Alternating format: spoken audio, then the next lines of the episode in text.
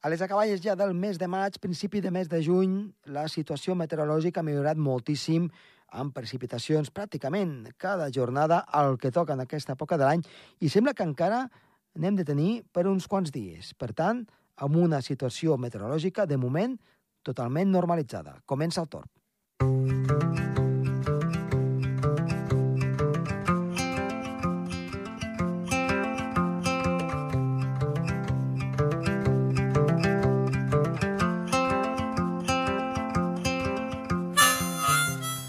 En el programa d'avui tenim el periodista d'aquesta casa, Pere Moliner, que ens parlarà sobre la intel·ligència artificial. Parlarem una mica sobre les coses bones i coses no tan bones que pot tenir doncs, aquesta nova tecnologia i cap on tenirem en un futur molt proper. Per tant, sembla que doncs, el programa d'avui pot ser molt interessant. Som-hi!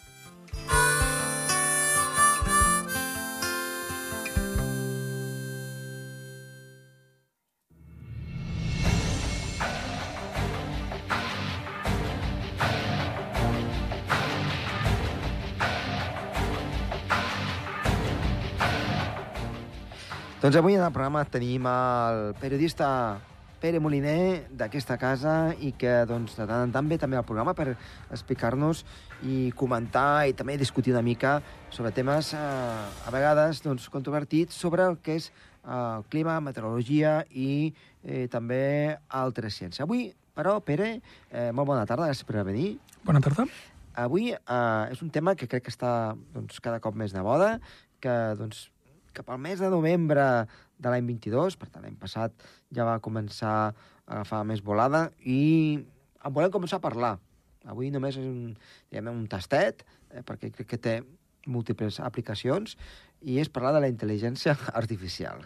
Què et sembla?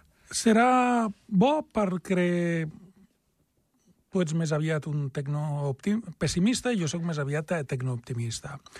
Eh, jo abans de parlar estem parlant de com la irrupció del xat GPT, sempre, suposo que ja ens entenem perquè no crec que hagi dit bé el nom, eh, aquest programa que en teoria permet escriure articles molt millors que bona part dels eh, esperitistes, assagistes fan, i que acostuma a ser veritat, eh, la problemàtica és a dir, ha estat l'enèsima vegada de uh, la intel·ligència artificial ens pot superar en coses que pensàvem que eren nostres. Mm. En ciència-ficció, que és el que a mi m'agrada, s'acostuma a parlar del de complex de Frankenstein. Per què? Al 1816, Mary Shelley uh, va escriure, ho he explicat alguna vegada en aquest programa, Frankenstein. Nosaltres coneixem més per les pel·lícules clàssiques, les sí, pel·lícules clàssiques sí, sí. dels anys 30. Sí.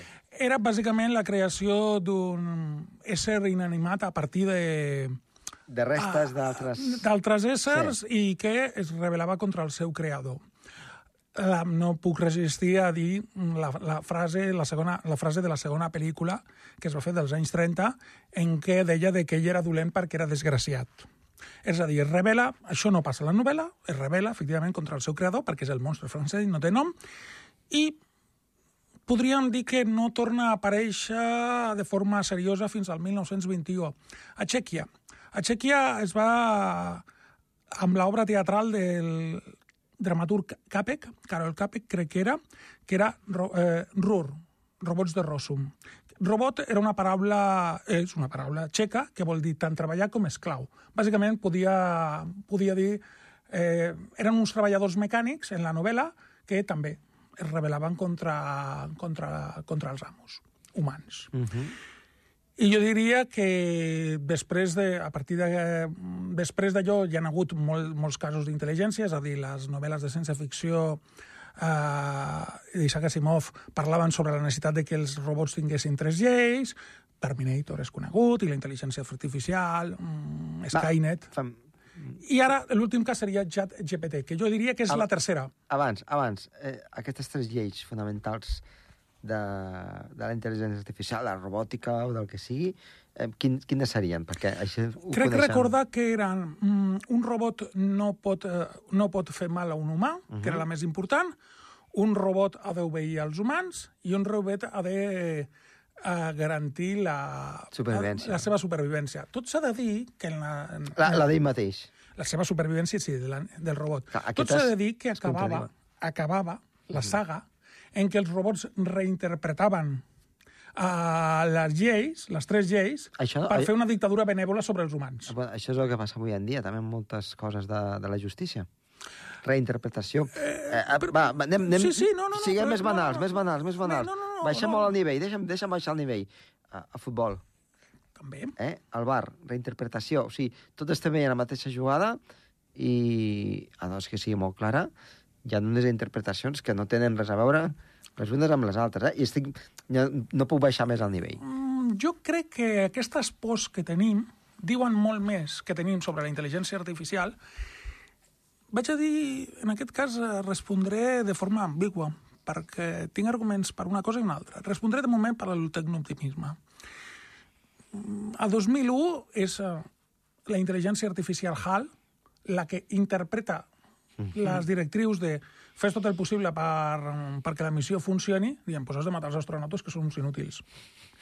Skynet, a Terminator, és uh, la intel·ligència artificial que veu que els humans el volen desconnectar i diu, sí, doncs primer us desconnectaré a vosaltres. Matrix és uh, la, la intel·ligència artificial que decideix utilitzar els humans com a proveïdors d'energia, enganyant-los, però en un món acceptable, eh, i ho fa per, per preservar la seva supervivència. És a dir, uh, jo crec que parla més, parla més de les nostres... Aquesta, I el xat GPT, les, un, del, un dels comentaristes estrella, de, un dels filòsofs estrella dels nous temps, eh, Noah Yuval Harari, actor de, autor de Sapiens, per exemple, eh, bàsicament té la teoria de que en 20, 30, 40, 50 anys les intel·ligències artificials eh, faran que bona part de les nostres feines siguin inútils i que hi haurà una mena de, de, de dictadura benèvola d'intel·ligències artificials. És a dir, que serem superficials i superflus. Jo crec que no és tan fàcil. Jo, jo tampoc, eh? Jo crec que no és tan A, fàcil. a, a més, et diré més ara una mica amb el que tu has del xat GPT. Eh, El xat GPT L'han venut com a intel·ligència artificial i jo penso sincerament que no ho és. és que el xat GPT... Ja diré per què. ChatGPT, mm, probablement jo com a periodista, parlaré de mi, però podria referir a altres, jo com a periodista, si fes alguns textos amb ChatGPT, probablement eh, els textos amb Cha- ChatGPT, bona part serien molt millors dels meus. Tal qual, és així. Però els hi faltaria una cosa. En alguns pocs casos, originalitat, i en altres, mediocritat i estupidesa. Què vol dir això?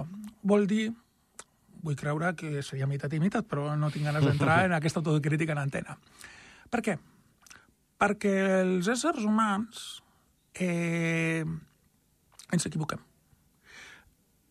Les intel·ligències artificials no s'equivoquen. És a dir, potser fan malament una cosa, però no s'equivoquen. No saben el que està, què és el que estan fent. Quan es parla, per exemple, ho he explicat alguna vegada, uh, Terminator, vinga, Terminator, ja no n'hem a parlar. Per què avui en dia, 40 anys després de que sortís la pel·lícula, és tan difícil un, que es, un robot que es mogui com aquest? Pues perquè no és tan fàcil. Primer ha de tenir una cosa que és una mica de sentit comú lingüístic. Els ordinadors actuals, els ordinadors i els robots, evidentment, no tenen sentit comú lingüístic, encara. Poden respondre't a preguntes senzilles i coses senzilles, però no, tenen, no poden mantenir una conversa, encara. Però hi ha una cosa més, més important que això, és el context social. És a dir, jo ara estic veient la teva cara, jo ara estic veient els teus gestos, els teus sorolls, i dedueixo un 50 o 60, 70, 40% del que estàs pensant. L'altre no. Llavors, això és el que els hi falta als ordinadors. El divulgador científic nord-americà Mikio Kaku deia fa, fa anys que la intel·ligència artificial tenia una intel·ligència similar a la d'un mosquit. Uh -huh. Probablement, me- per què? És a dir, agafa una informació i la processa. Probablement sigui menor, perquè pots aprendre. Però qui és el que ensenya els algoritmes? És a dir, el xat GPT eh, utilitzava textos que ja estaven fets per humans. Pot crear, pot innovar? No. Encara no. Per què? No, és molt més difícil crear i innovar perquè es necessita una cosa que fem els humans, que és imaginar. Llavors, projectar, fer previsions. la gran majoria de les vegades les previsions que fem els humans són autèntiques borrades. Ens projectem en el futur i són autèntiques borrades, però d'altres vegades no tant. És a dir, ens projectem en el futur. I també tenim memòria, ens projectem en el passat. La gran majoria de les vegades ens projectem en el passat i són el nostre pensament de com era el nostre passat o el que pensem o el que... Són autèntiques salvatjades i borrades, immensa majoria. Però altres vegades no tant. Llavors, aquesta projecció cap al passat i cap al futur no la té un ordinador, una intel·ligència artificial i un robot. Per què els... Tornem als robots. Per què als robots els hi costa tant ballar o moure's, com per exemple el Terminator? Ja no ve. Moure's. Perquè necessita una intel·ligència espacial que no la tenen. No la tenen. S'ha provat.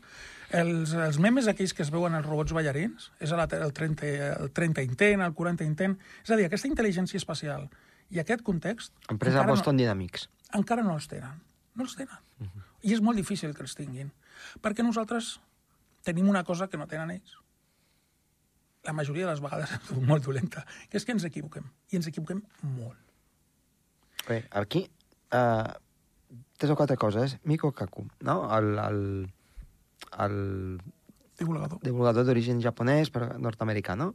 Va dir fa poc temps, farà dues o tres setmanes, que el gran salt seria quan els ordinadors quàntics estigui, estiguessin al servei de la intel·ligència artificial. Llavors, a partir d'aquí sí que eh, arribarien a una singularitat.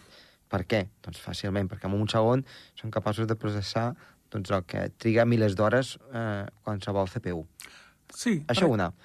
Sí, I, i, i, I després, eh, el que dius del xat GPT, jo penso que no és una intel·ligència artificial. Són un munt de dades ficades allí i que eh, tenen eh, doncs, un software que li permet doncs, barrejar els conceptes i fer una cosa lògica per nosaltres. Una altra cosa és que eh, tinguin xarxes neuronals i, i vagin aprenent, que aquí ja és un ja perill. Que vagin aprenent. Jo no sé si hi ha un perill. Ara hi ha una anècdota que explicava un escriptor català. Perill o no, eh? Perill, o, o, no, no, no, no. O sigui, sí. perill perquè, clar... Complexa de, el complex de, de Frankenstein, és a dir, el, el, el, les màquines que se'ns revelaran, els esclaus mecànics que se'ns revelaran. Cap problema. Uh, un escriptor català explicava que va decidir fer aquest experiment amb el xat GPT. Eh, en català, en castellà i en anglès. Uh, Explica'm mm, què va passar als fets de l'1 d'octubre a Catalunya del 2017, el referèndum uh -huh. unilateral i tal. Molt bé. En català sortia un, un alegat més aviat proindependentista, en castellà sortia un, un alegat més aviat espanyolista, i en anglès sortia una cosa més aviat eh, neutral, eh, no massa, massa... Què ha passat aquí? Havia begut de fonts diferents. No? En català, Suposo? bàsicament, la majoria de les fonts eren proindependentistes, uh -huh. en castellà, bàsicament, eren antiindependentistes i en anglès eren... més, eren més aviat més, més neutrals, més, uh -huh. més d'explicar els fets, més periodístics. Això fins i tot fa gràcia. Però ens ajuda a entendre que té els seus biaixos i té els seus condicionants. El problema de les intel·ligències artificials és el de sempre. És qui les controla, quins humans les controlen i com les controlen. Això sí que és un gran per ell. És a dir, quan els gurus de les grans empreses tecnològiques diuen que s'ha de controlar la intel·ligència artificial, independentment d'aquest complex de Frankenstein, que no dic que eh, potser dins de 100 anys un Skynet ens destrossi, ho veig difícil, però... No però fixa't, eh, per, per l'exploració espacial, perquè això ho vaig veure un reportatge fa poc, fa doncs, uns quants dies, eh, que explicava que eh, per l'espai, el típic robot que està a Mart, no? el típic rover, que ara doncs, l'hem d'enviar les dades, clar, amb unes xarxes neuronals en què vagi aprenent doncs, on hi ha el perill, on, ha, on no hi ha el perill, eh, el tipus de roca que es troba, eh, cap on ha de tirar, i que eh, ell pugui decidir quin és el camí, havent-li dit, tu te n'has d'anar amb aquest cràter i fer aquest experiment. Agafa el camí que vulguis. I clar, eh, a mesura que va aprenent, eh, fins i tot ho explicava una, una, una científica, eh, deia, diu, fins i tot ha escollit el camí molt millor que jo l'escolliria com a humana, anant a peu. Sí. Eh, el que passa és que el, una intel·ligència artificial del futur, per poder ser igual als humans o poder ser superior, hauria de prendre milions de decisions. Uh -huh. Per exemple, jo ara estic constantment ara prenent decisions, tu estàs prenent decisions, et fiques la mà aquí i et fiques inconscients, la immensa majoria. Ho hauria de fer. I això, eh, hi ha una cosa que ens ajuda molt a prendre aquestes decisions. Són les emocions. És a dir, mm, m'he pres un arròs, no m'he pres massa perquè ja tenia una cosa als budells, ja tenia un... el budell ja estava molt ple he passat per una altra banda perquè tenia, tenia por de que el cotxe ens atropellés eh, i he elegit el camí més, més segur, el pessebre, el pas de vianants, eh? no passa uh -huh. d'això. És a dir, aquestes emocions ens indiquen, ens indiquen, uh, ens, ens, ens, ens indiquen per on hem de tirar o per on no hem de tirar. Aquí, ens equivoquem moltes vegades, moltíssimes, però tenim aquest software que ens ajuda a prendre aquestes decisions. Per tant, la decisió no és només prendre camí a la dreta, camí a l'esquerra prenem milions de decisions emparats amb les emocions.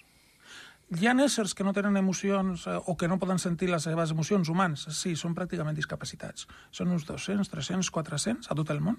Un de cada 20 milions i són una mena de, de discapacitats. Com aquesta gent que no té por. Que no té por i, doncs, el que acabo de dir. Passes, veus els cotxes que estan passant, estan passant pel carrer molt ràpid. Si no tens una miqueta de por a el que et pot passar, potser passarà sense mirar les conseqüències i et matarà. És a dir, la por és una mica necessària. Uh, la ira potser és una mica necessària. Depèn dels contextos i depèn. Sí, uh, mira, Ens ajuden. Ara estic pensant en, en gent doncs, que fa parkour no? I, que, i que doncs, puja a llocs que fan molt de vertigen i dic, això és com ho poden fer aquesta gent i no tenen por. Jo crec que és... Sí que tenen uh... por, però la dominen. Perquè si no, no tinguessin por, no estaríem vius. És a dir, l'han dominada molt Uh -huh. I aquí està, tot està enllaçat. És a dir, havia una, un escalador, crec que era francès, no, suís, que ho explicava. I tot està relacionat, a més, tot. Deia de que, clar, tenia por a les alçades, però la bona part d'un poblet turístic que viu de les muntanyes, pues, al final va decidir lluitar tant contra la seva por que va decidir, es va convertir en un equilibrista. Però el tio ho deia, ho he fet milers de vegades. Llavors, una, uh, per tant, o unes màquines ens poden superar si de moment el màxim nivell de decisions pròpies que tenim en una màquina són puc agafar aquest camí a la dreta segons les instruccions que tinc, que li ha donat un humà?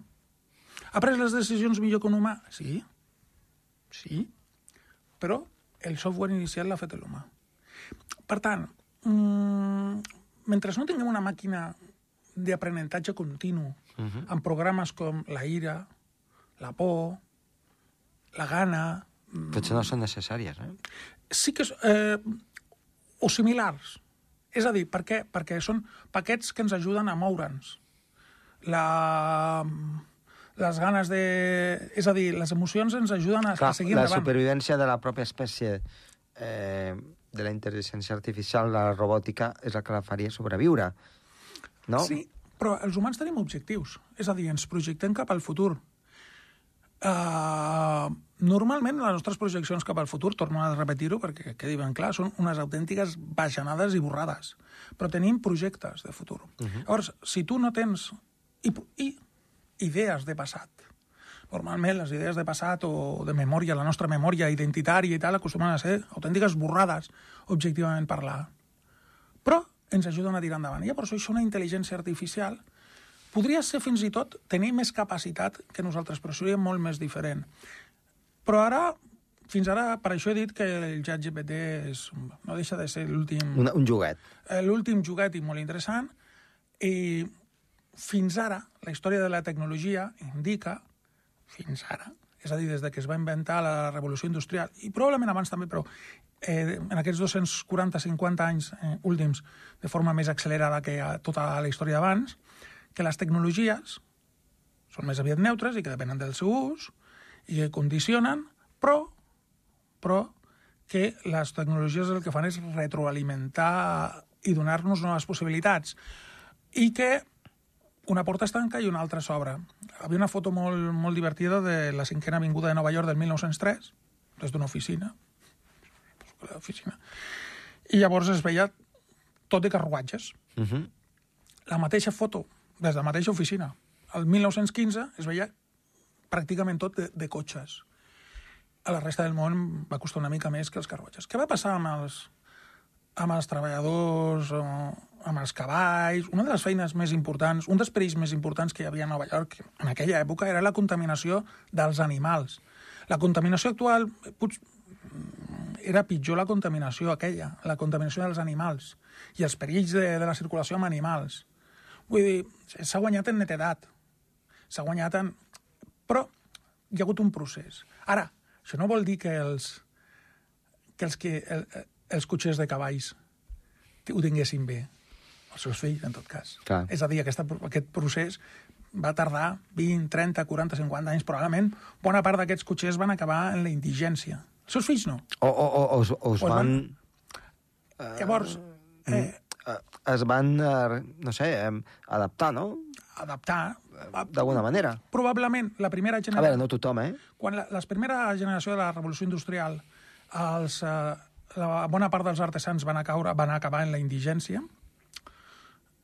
i la segona generació ja eren obrers, Clar. segona, tercera generació, i després ja la cosa va prosperar, però va, va haver un temps de 20, 30, 40 anys d'adaptació molt durs, sobretot per la majoria de la població més pobra. Això pot passar? Segurament passarà. Segurament, segurament.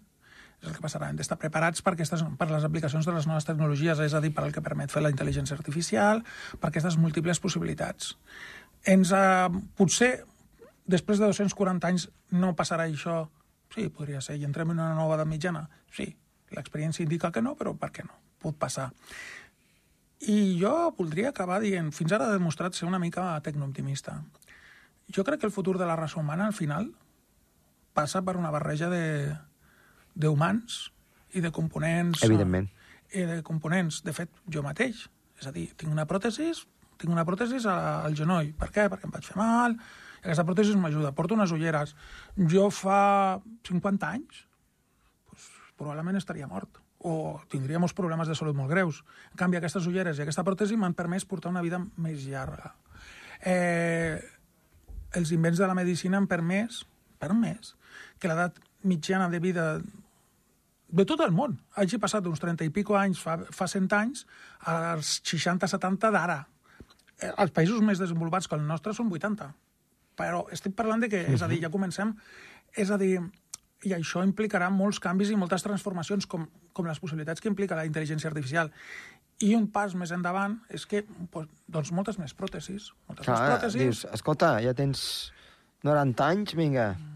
Eh, eh, xapa i pintura. Canvi de Eh, cor, pulmons, etc Bueno, etc. sí, llavors, eh, ara hi ha partidaris de la singularitat, singularitat que diuen que bé, una, una intel·ligència artificial no, però que podríem transplantar la nostra consciència eh, en ordinadors i seríem pràcticament immortals. I jo penso dient, sí, però no seríem nosaltres, potser fins i tot seríem millors, Sí. perquè nosaltres som el nostre cos.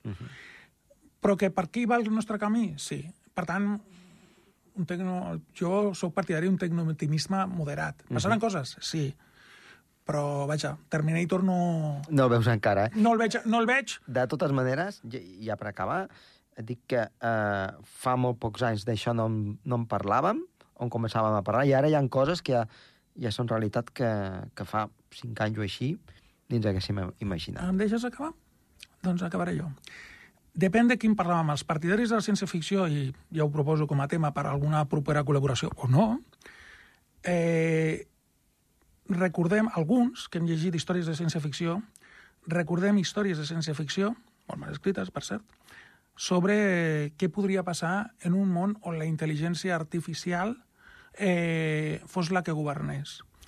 Anys 40 i anys 50 alguna bona part són borrades, però una altra tenen coses interessants. Per això crec que és el tema d'un altre dia.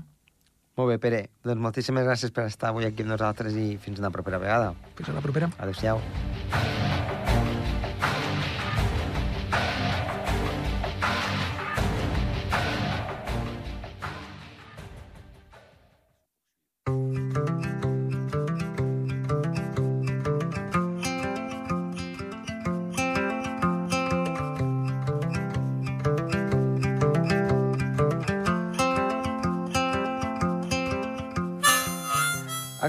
programa. Esperem que els hagi entretingut. Estat de l'Esbi de Sort, Ricard Porcuna, i qui els ha parlat amb molt de gust, Josep Tomàs Bosch. Adéu-siau.